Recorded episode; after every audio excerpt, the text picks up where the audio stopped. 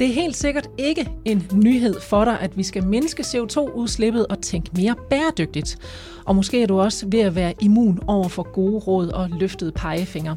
Men jeg vil alligevel råde dig til at blive hængende og lytte til mine gæster i programmet i dag, for jeg kan næsten garantere dig, at du i løbet af den næste halve times tid lærer mere om, hvor omfattende bæredygtighed er, ikke bare hjemme ved dig selv, men også i den finansielle sektor.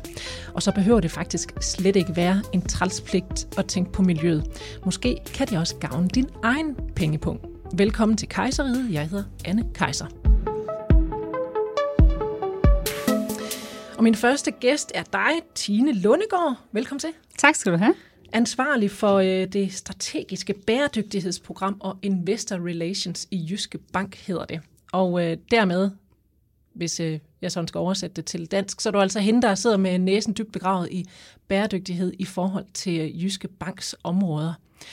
Og øh, der er altså kæmpe fokus, jamen det er vel det nærmest, der er mest fokus på øh, i dagens Danmark øh, for tiden, bæredygtighed, klimavenlighed, øh, sådan helt generelt i verden i dag. Øh, men øh, det er jo et stort område, som jeg tror, at det, der er gået mange næse forbi, det er, at EU-kommissionen har udformet sådan en ordentlig opdrag af en øh, handlingsplan til den finansielle sektor.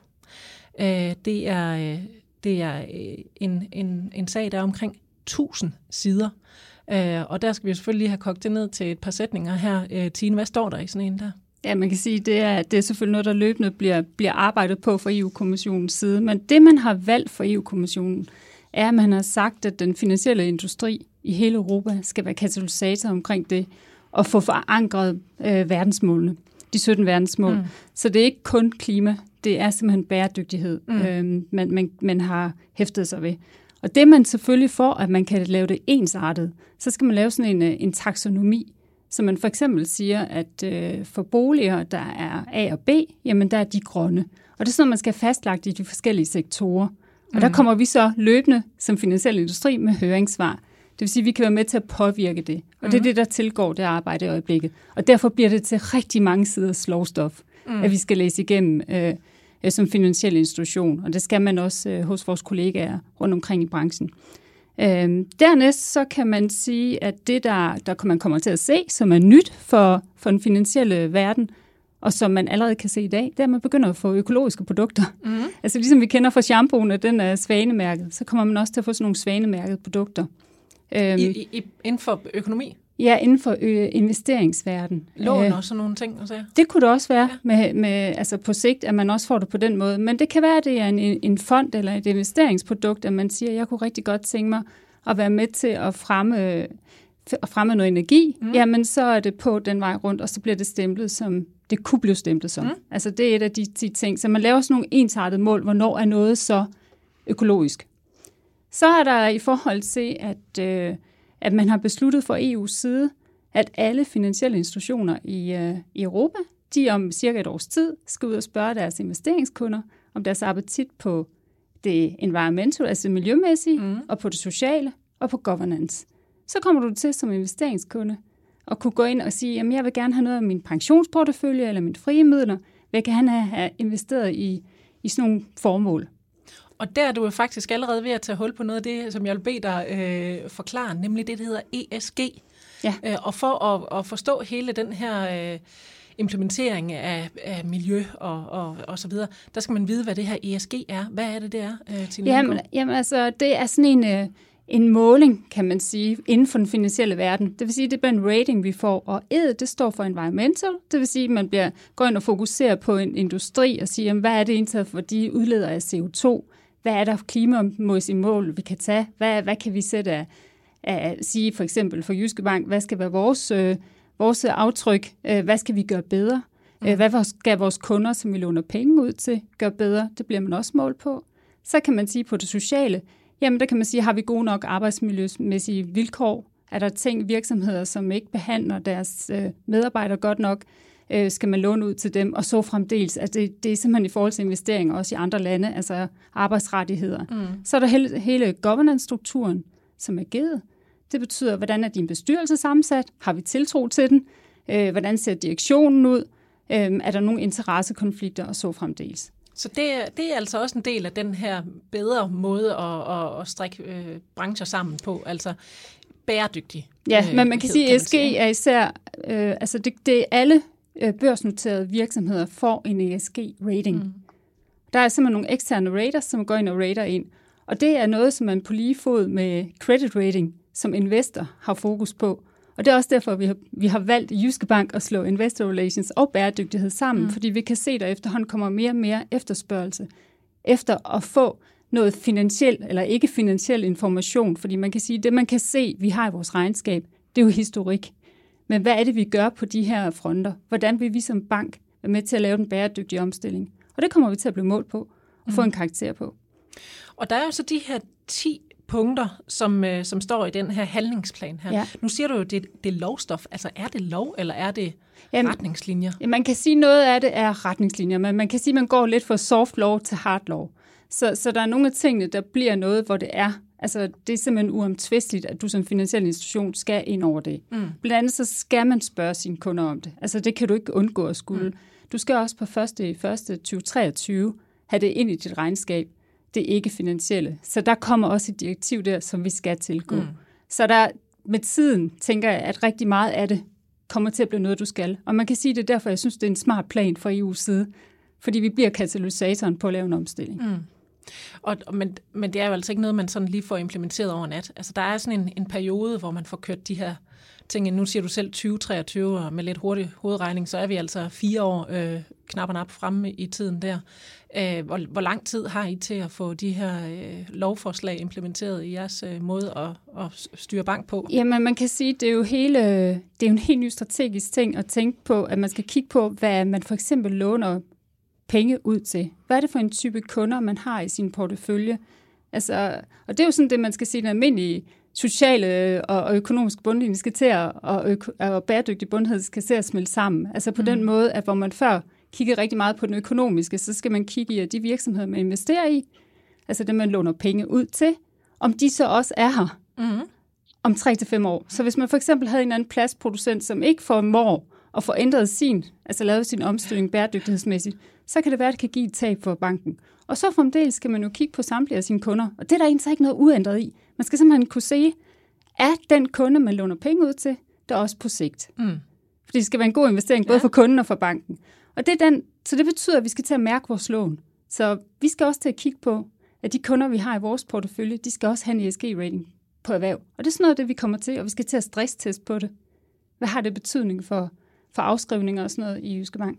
Så det er simpelthen, det er bare, altså det er hele jeres fokus, i, altså, og ikke bare her, men i den finansielle sektor, det det. der skal, altså man skal simpelthen ret blikket et andet sted hen, Ja, det, det er markedspladsen, der flytter sig, kan mm. man mhm. sige, altså, og vores kunder, der flytter sig. Og det ja. vi kan se, det er især rigtig meget, at uh, i og med de store børsnoterede, ligesom os selv, uh, bliver målt og får den her karakter, den her ESG-rating, jamen så gør selskaber som Mærsk det jo også, og de, eller nogle af de andre listede, jamen, og de kommer også til at stille krav til deres mm. leverandører. Så hvis du skal ind og være underleverandør, så skal du kunne leve op til de her vilkår. Mm. Og det kan vi faktisk se allerede i dag, at vi bliver spurgt om ting, som vi ikke har været vant til at blive spurgt om. Så det er ikke kun, hvad er prisen, men det er også, hvordan gør vi det? Hvordan øh, lever vi op til samfundsansvar og så fremdeles? Og så er der de her 10 punkter her, som jeg lige vender tilbage til igen. Jeg har nemlig bedt dig om lige at tage et par stykker med dem af, af dem med, som du lige kan prøve at fremlægge her, hvad det, hvad det egentlig er, at øh, EU vil have den finansielle sektor til. Kan du give det et par eksempler på det? Jamen altså, man kan sige, først og fremmest, så er det jo den her karakterskala, som jeg sagde, at vi simpelthen siger, sådan, så man kan sammenligne, at det ikke bliver æbler og pærer, for ellers er det svært som privatperson, mm. så skal I nu have en investering. Øh, og der kan man sige, der får man de her mærker på, enten som svanemærker eller som nogle benchmarks. Mm. Og det er det, man er med ind og får sat den label på. Så er der det, at man skal spørges, at man kommer hen og får, får spor på sin appetit, og det kommer med helt den del, hvor man siger, er du, kan du forstå det som investeringskunde? Det skal vi jo også tilsikre mm. os. Mm. Så er der i forhold til, at, øh, at vi skal mere oplysningspligt som finansiel institution, at vi skal ud og fortælle noget mere ude i markedet. Så alt i alt kan man sige, og det vi skal fortælle om, det er både på investeringssiden og på lånesiden, som jo er det, der er en forretning for, for en bank, der skal vi jo fortælle, jamen, hvad det er det, vi gør, og der skal mm. vi mærke de ting, og der skal man kunne se, at vi laver en omstilling. Ja. Så et af, det kan godt være, at vi skal ikke kun have grønne virksomheder og kunder ind til start. Nej, vi skal måske have nogen, der er brune, som vi er med til at hjælpe på vej til at blive grønne. For så laver vi omstillingen. Tine, det er noget af et arbejde, det her, var. Der, der, er nok altså, at gå i gang med. der er lidt at se til. Det tænker der. jeg også. Hvis, nu nævner du et par stykker her, men der er jo altså 10 punkter, øh, og jeg forestiller mig, at de må stikke i alle mulige forskellige retninger. Er det, er det realistisk, at nu er Jyske Bank selvfølgelig en stor bank og øh, med, med, med mange ressourcer. Kan, kan en stor bank som, som Jyske Bank øh, fagne dem alle sammen også? Altså jeg vil sige, ligesom med alle andre ting, så er der nogle ting, man skal vælge at fokusere på.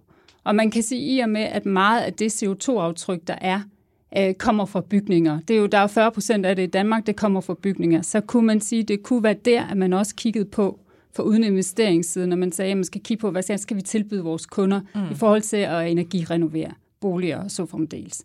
Så er der den del, at vi jo selvfølgelig rådgiver vores erhvervskunder i, når de skal lave forretning, vi vil gerne være deres sparringspartner. Der skal vi også tage den dialog med dem omkring, at deres leverandør stiller ændrede krav til dem. Mm. Og hvad betyder det så? Og vi skal også kunne gå ind og se, hvad skal vi så lave af lånetyper måske i den henseende. Men, men jeg tænker i bund og grund, så tror jeg, at vi kommer automatisk til at fagne det hen over tid. Det er jo ikke noget, der skal løses på 0,5. Det er noget, der kommer til at tage de næste 3, 4, 5, 6 mm. år. Og det lyder også som om, der kommer til at være en, en videreuddannelse, hvis man kan sige det på den måde, af, af rådgiverne rundt, rundt omkring i filialerne. Altså det er jo noget, der drøber ned igennem det hele, det her, ikke? Jo, men det her det er helt klart noget, hvor vi skal sørge for, at vi klæder vores medarbejdere godt på. Det skal vi, fordi mm. ellers er det ikke særlig behageligt at sidde ude og være medarbejder. Det, det er noget, som vi skal sige, jamen det er det her, vi, vi har produkter, og det er mm. det her, som vi ønsker at hjælpe vores kunder på vej med, i mm. den dialog, vi vil have med dem. Helt klart. Og i lørdags, der kunne man øh, i et øh, interview med dig i Jyllandsposten læse, at der i, i fremtiden, der kommer der så en masse grønne tiltag i Jyske Bank og i den finansielle sektor. Det er jo altså noget, det vi taler om nu, ikke også? Øh, vil der sådan lige frem vente en, en økonomisk guldråd for, for de her ekstra grønne kunder? Nå, men jeg tror bare, at øh, jeg vil sige, altså når, i og med at hele markedspladsen kommer til at ændre sig, du kan se, at øh, om et år skal vi ud og spørge hele investeringssiden. Det skal man hele Europa. Prøv at tænke sig, hvor mange, der sidder ude i banker og investeringsselskaber, der skal ud og spørge kunderne. Så automatisk kommer der en efterspørgsel efter grønne produkter på hylden, på investeringshylden. Øh, det med, at man skal være mere gennemsigtig i sin, i sin, når man skal afgive sit regnskab, at man skal kunne vise den her øh, bæredygtige fremstilling. Altså, at man er med til at fremme det, sådan så ens investorer stadigvæk har appetitten til at putte aktiekapital eller obligationskapital ind til en, det gør det helt naturligt også, at det bliver fremmet det hele. Mm. Så, så, så jeg tænker, at det hele kommer til at ske øh, stille og roligt. Er der nogle andre produkter end lige de her sådan, grønne produkter, du tænker, øh, eller du, du nævner nu? Er der nogle, nogle, nogle tiltag, som man vil øh, som kunde komme til at lægge mærke til, at det her det er faktisk mere grønt, end, øh, end hvad der var i, i før eller i andre banker? Altså jeg vil sige, at det, det er helt klart, at vi kigger lige nu her på, på investeringssiden. Jeg tror, jeg, jeg vil ikke love, at vi kommer til at skille os gevaldigt ud, fordi man kommer til at se, at, at hele sektoren flytter sig. Men, men nu kommer man jo høre Allan Mortensen, der var nede for nylig og kigge på deleøkonomi. Det er jo også mm. en del af at være mm. bæredygtig, at man lige pludselig ikke skal have sin egen bil, og man skal til at lease biler sammen med andre. Det kunne måske være den vej rundt, om man så det. Mm. Øh, at man måske heller ikke skal have sin egen bolig, at man skal til at dele sin bolig. Og der tror jeg også, der kommer til at ske en geografisk øh, forskel på, om man bor i Jylland eller man bor i København. Altså, hvad er det for nogle ting og nogle tilgange, man gør? Mm. Det kunne man forestille sig. Nu vil jeg øh, gerne byde velkommen til øh, min næste gæst i programmet. Det er Nina Bendiksen, der er journalist værvært på DR og foredragsholder. Velkommen, Nina. Jo, tak øh, med på telefonen her fra, øh, fra værstudiet øh, i DR faktisk, hvor du på arbejde lige nu, dog alligevel lige havde lidt tid til at være med her. Og Nina, du har jo spe- specialiseret dig i klima og, og klimaforandringer, øh, og nu har du så lige været med på en lytter her. Hvad siger du til de øh, tiltag, som vi kommer til at se i den øh, finansielle sektor i fremtiden? Jamen det er jo, hvad øh, alle inden for bæredygtighed har øh, efterspurgt i lang tid. Ikke kun for den finansielle sektor, også den industrielle osv. osv. At der sker en langsom, men, men sikker øh, omstilling til, til en, en mere grøn tankegang. Øh, og jeg hæfter mig meget ved, at der er meget fokus på øh, oplysningspligten, altså forstår kunden, hvad det er, der skal til at ske, og, og hvad, der, øh, hvad man kan bruge pengene til, så det går i en mere grøn retning. Det, det gør mig glad, at, at øh, fordi den, den øh, almene borger øh, kan, kan man sige, Øh, kun vide så meget, som de kan rumme. Mm. Øh, hvad hører man i medierne, og hvad, øh, hvad har man selv samlet op øh, i sin research, hvis man, hvis man er en borger, der gør det? Og så øh, kan det være svært, nu snakker vi meget om at oplante træer, ikke? Øh, mm. det kan næsten være svært at se skoven for bare træer en gang imellem, hvis man skal bruge en, en metafor her, for der er rigtig meget viden derude, og, og i forhold til det kan jeg godt øh, også afsløre i forhold til mig selv, og investere grønt og sådan noget, det kan være enormt svært at starte ud der. Så, så det med at, at hjælpe kunden og være sparringspartner, øh, og også måske i virkeligheden øh, forberede på, hvad der kommer til at ske, det gør, det gør mig glad at høre. Og, og det her fokus, som man så ser fra EU's side i retning af den finansielle sektor, er det øh, noget, nu har du jo faktisk øh, i, i, i nogle år øh, haft interesse og, og undersøgt rigtig meget inden for klima og bæredygtighed og klimavenlighed. Kan du se en ændring, altså at, at der er kommet et øh, øget fokus øh, i forhold til bæredygtighed og klimabevidsthed i, i de brancher nu end før? Ja, absolut. Øh, nu blev det også øh, nævnt, altså vi, FN's verdensmål er ikke kun klima, øh, men, men bæredygtighed. Og, øh, og FN's verdensmål, de har lige haft fire års fødselsdag i øvrigt, øh, og, og, og der er sket et eller andet. Øh, der var millenniummålene øh, omkring øh, altså, tusindskiftet, og de battede bare ikke på samme måde, som de her verdensmål gør. Og man kan mm. se, at det er blevet nemmere for øh, forskellige brancher at tage dem ind. Og så kan det godt være, at det bliver lidt nemt nogle gange at sige, jamen vi tager sekseren, og så, så siger vi, at vi, vi går op i det. Mm. Men, men det er blevet nemmere at, at, at, at, at sammenfatte ens branche og, og, og på den måde udøve det, man gerne vil med sin virksomhed, eller hvad det nu er, man, man arbejder med. Øh, og så har jeg også lagt mærke til, at især økologi har udviklet sig meget. Det, det hører mm. vi også. Altså, øh, økologi har været lidt udskældt i forhold til bæredygtighed, hvilket giver mening, fordi økologi kræver meget mere vand i sit forbrug, det kræver også mere plads, og det er ikke særlig øh, bæredygtigt, øh, hvis vi skal brødføde hele verdens befolkning, som vi jo ved vokser og vokser. Mm. Men man har alligevel fundet ud af, at økologi på mange måder har, vist sig at være alligevel mere bæredygtigt, fordi folk øh, på en eller anden måde, når de er ude at handle, hvis vi skal øh, tage sådan helt ned lavpraktisk, så vælger man måske det økologiske kød, men fordi det er så dyrt, så bruger man ikke så mange penge mm. på alt muligt andet. Øh, så, så på den måde er der faktisk en, en bæredygtighed i økologi, trods at det er lidt i virkeligheden øh, øh, modsætningsfyldt. Så det er ikke fordi, at vi, når vi er ude at handle, så bruger tilsvarende flere penge på at, at købe mad, men så skærer vi bare andre steder, mener du? Ja, jamen det er i hvert fald det, som man, mm. man har øh, mål på indtil videre. Og så er der bare rent økologisk kommet mange øh, øh tiltag. Jeg kan se, at øh, supermarked, nej, det er ikke supermarkederne, jo, de er selvfølgelig med, men, men øh, restaurationer er begyndt også at, at, at sådan bryste sig af at være økologiske, mm. og jeg har lige set, Tivoli har lige lavet en, en øh, hvad kalder de det, en øko, økodage, eller økologiske dage i Tivoli, hvor man kan gå på økojagt og alt mm. muligt. Så der, der er sådan mange øh, virksomheder, der begynder også at, at, at løfte sig på, på det punkt, selvom det ikke er en til en øh, identisk med, med bæredygtighed. Men Tine Lundegård, det er så også noget, I har, I har fokus på, altså økologi inden for den finansielle branche, og hvordan får man det implementeret? Ja, man kan sige, at vi har jo fokus på det fra forskellige sider. Dels det, som man snakker om, at nu kommer der de her svanemærkede produkter, som mm. man begynder at opleve mm. nu, når man kigger rundt øh, på investeringsforeninger. Så langt er vi ikke endnu i Jyske Bank, men når man kigger ud over landskabet, så, så begynder der at komme, opstå nogen. Øh, og så er der selvfølgelig også den del, at vi skal jo, tage, vi skal jo sidde og kigge på og, og kreditvurdere vores kunder. Så mm. vi skal jo også kunne skelne med, om det er en økologisk landmand eller en konventionel. Det er jo en af de ting, som man som bankmand skal kunne, altså når man skal ja. låne penge ud. Og det kommer vi jo til at kigge på i forhold til mange brancher. Men hvad du så, hvis du I sad over for en konventionel øh, landmand og sagde, lån mig, hvad man nu låner, 10 millioner til et eller andet, hvad, hvad vil I så gøre øh, i sådan en situation? Jamen altså det man kan sige, det er, at man vil begynde at tage en dialog med kunderne. Altså det er jo den spørgeramme, som vi skal til her. Altså, nu snakker vi medarbejdere mm. før, men vi skal have trænet medarbejderne i at, at kunne stille de spørgsmål, så, så vi kan få det rigtige viden ud af kunden. Mm. Fordi der er jo meget forskel på at være konventionel øh, landmand. Og man kan sige, at det her det er også et sted, hvor man kommer ind i en masse dilemmaer. Ligesom Nina siger, Altså, det kommer også i et dilemma, at det måske er bedre bæredygtighedsmæssigt af hensyn til vand eller til mm. jord, at man, at man er konventionel i forhold til, at man er økologisk. Så, så der, der bliver nogle spørgsmål og nogle ting, man stadigvæk skal ned og vurdere i forhold til sag til sag, ja. ligesom man gør i dag. Så der kommer ikke til at være, være ændringer den vej rundt. Nina Bendingsen, øh, du er sådan set vant til at undervise, kan man godt sige, befolkningen i bæredygtig, bæredygtighed. Øh, du holder foredrag øh, om det samme, om klima. Øhm, og jeg har bedt dig om at tage fem klimaråd med til os og, og lytterne, for, for også øh, og, og sådan ligesom øh, få, få klarlagt, hvad kan man selv gøre, når man ikke lige går i banken og, og, og får øh, grøn samvittighed dernede.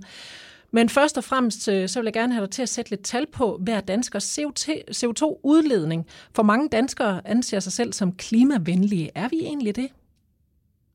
Ja, både og. Altså, den er rigtig svær, og, øh, og de tal, jeg hiver ud af ærmet nu, det er ikke nogen, jeg har fundet på eller målt, men, øh, men fra den øh, grønne tænketank, der hedder Concito. Det er tit der, man øh, henter nogle af tallene. Men der er mm. forskellige tal på det her, og det her det er nok det mest brugte.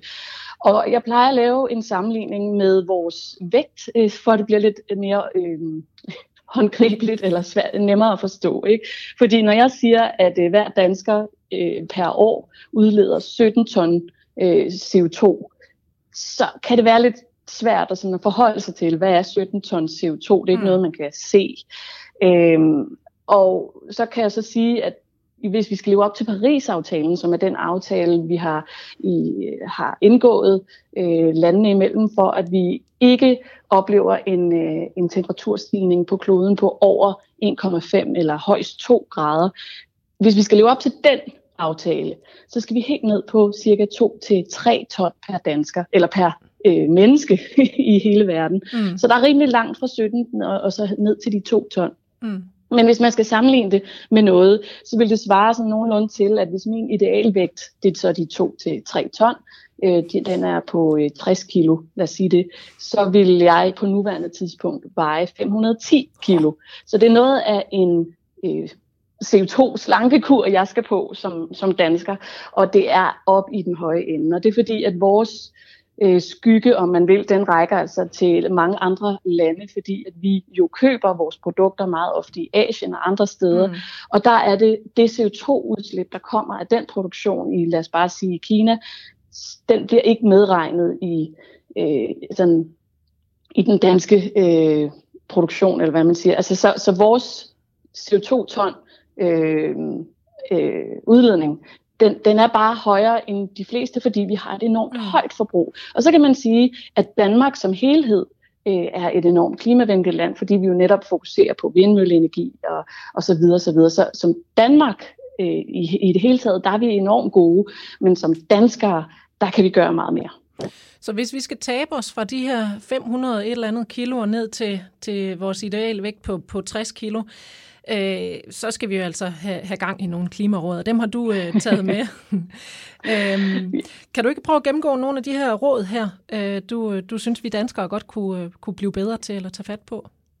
Jo, det kan jeg godt, og jeg vil gerne starte med at sige, at jeg er udmærket klar over, at det her det er noget, som skal løses på regerings- og, og landeplan. Det er ikke noget, som en dansker eller et menneske kan, kan klare, men det nytter bare heller ikke noget, at vi fortsætter vores, vores levestandard, som den er nu, øh, fordi vi er altså meget værre end, end, end inderne og alle de andre, selvom de er flere, så er vi nødt til på personlig plan også at gøre en forskel. Mm. Og der har jeg nogle ting, som er nok af de mere eller mindre største udledere. Det kommer jo an på, hvordan man lever øh, privat.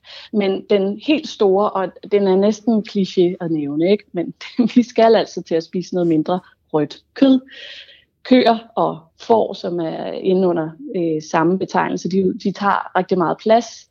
Øh, de, øh, både som dem selv, når de står ude på markerne, men også den foder, de spiser, den skal vi også bruge plads til at producere.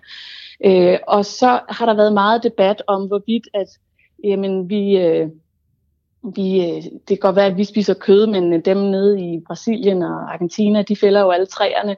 Øh, men problemet er, at det hænger sammen, de to ting, fordi Danmarks øh, forbrug, eller Europas forbrug af, af kød, det, og import af kød i det hele taget fra Brasilien og Argentina, det er steget her det sidste stykke tid.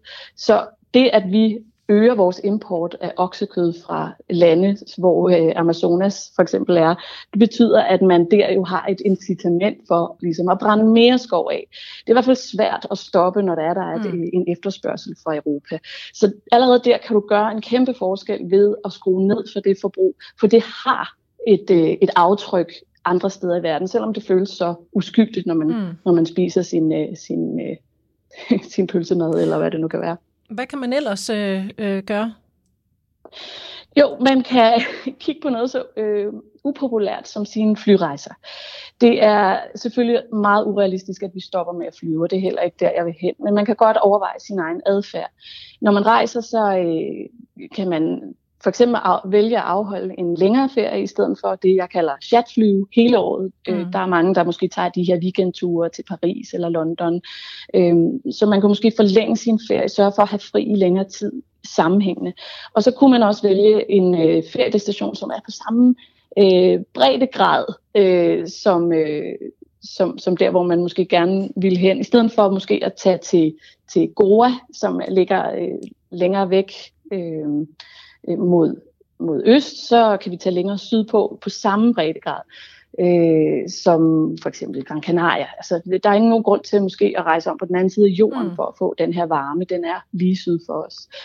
Og, øh, og så bare for at smide tal til på, hvis vi skal tabe os hurtigt, så er der, om det her det er rundt regnet selvfølgelig, en tur til Thailand koster på CO2-kontoen cirka 4 ton tur-retur per person.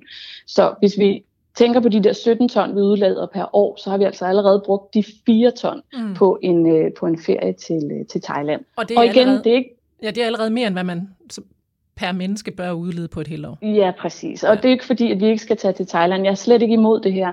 Øh, og der bliver jo også lavet en masse øh, løsninger undervejs. Øh, men en af mine anker er jo, at vi ikke har så meget tid. Så måske skulle vi i hvert fald i de næste 10 år skrue ned. Og så kan det være, at vi til den tid har nogle løsninger. Mm. Og så skal vi skrue ned for vores forbrug, for det er lige præcis der, vi som danskere har et meget, meget øh, stort problem. Øh, vi forbruger, vi øh, køber ny mobil hver halve år, fordi der er en ny udgave, øh, som vi gerne vil have. Øh, så er vi måske dårlige til at få genbrugt den, vi havde, og så smider vi den bare ud. Der, der er nogle rutiner her, som vi godt kan ruske op i.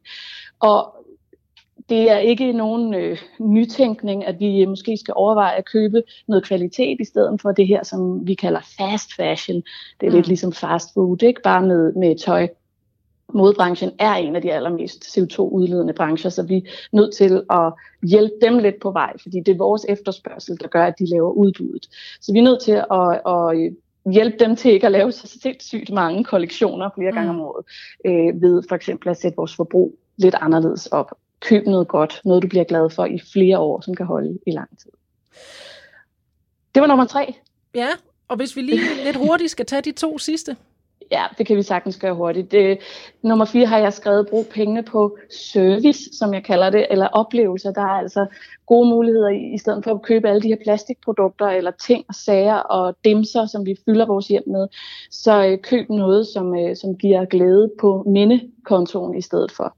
Og så er der faktisk en, som Tine også nævnte i forhold til, øh, det er sådan min nummer fem. Jeg vidste ikke rigtig, hvad jeg skulle tage med. Der kunne være masser af andre gode råd. Mm. Men jeg har faktisk skrevet isoler dit hjem. Og det er fordi, at dit hjem er dit ansvar. Du øh, kan vælge at bo i en mindre bolig. Du kan også øh, vælge at øh, isolere det, så så at nu går vi ind i vinteren, så vi ikke fyrer for gråsbordene for at bruge endnu en kliché. Mm. Men altså, der er rigtig mange øh, kvadratmeter, der skal øh, varmes op, og hvis du så ovenikøbet øh, lukker den varme ud i små sprækker, så, øh, så bruger du både flere penge, men du øh, skader jo så i sidste ende også øh, miljøet og klimaet med, med den her udledning. Så nogle af de penge, man øh, sparer på ikke at, at rejse til Thailand eller Goa, som du siger, dem kunne man så øh, smide ind i væggene faktisk? I form af noget ja, og så sparer du så i, ja, og så sparer du så i sidste ende også nogle penge der, øh, som du så selvfølgelig ikke skal gå ud og forbruge på alt muligt mm. andet. Det er, klart. det, er jo, det er jo hele øh, problemet i en nødskal. Og Tine Lundegård, du står jo også her og nikker anerkendende. Det, det er også nogle af de ting, I kommer til at arbejde med, eller hvad, i forhold til, øh, til, til bæredygtighed og klima, øh, når, når I nu for fremtiden skal... Jamen helt sikkert, jeg er jo fuldstændig enig med Nina. Altså det med, at man, man kan jo kigge i sit eget regnskab derhjemme, og en del af det, det er jo selvfølgelig at få sit hus up to date, så man ikke som ikke øh, øh, varmer for spurven. Ikke? Altså, så, mm. du ved, den del af det, det, det gælder jo om, at man simpelthen... Øh, at man har det på plads. Og så kunne man måske kaste nogle af sine penge i, i de grønne investeringsprodukter, hvis man får nogle penge til års. Ikke? Det er så, man ikke går ud og spiser, var. Ja, det er det. Og så er vi havnet i en stor øh, grøn symbiose her. Øh, og det er til jeres fortjeneste. Tine Lundegård, ansvarlig for det strategiske bæredygtighedsprogram og øh, Investor Relations i øh, Jysk Bank. Tak for besøget. Selv tak. Og også til dig, Nina Bendiksen, værvært, klimaekspert og journalist. Tak for besøget. Jo, tak. Og din gode råd. Og man kan altså høre dig, hvis man har lyst til flere øh, klimaråd, øh, eller bare høre lidt mere om, om klimaet og hvad der sker.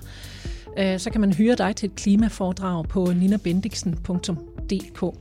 Og har du det emne, du har lyst til, at jeg tager op i programmet her, så kan du... Øh, så kan du sende mig en mail. Det kan du gøre på anne og kejser det staves altså K-E-J-S-E-R. Jeg hedder Anne Kejser. Tak for nu og på genhør.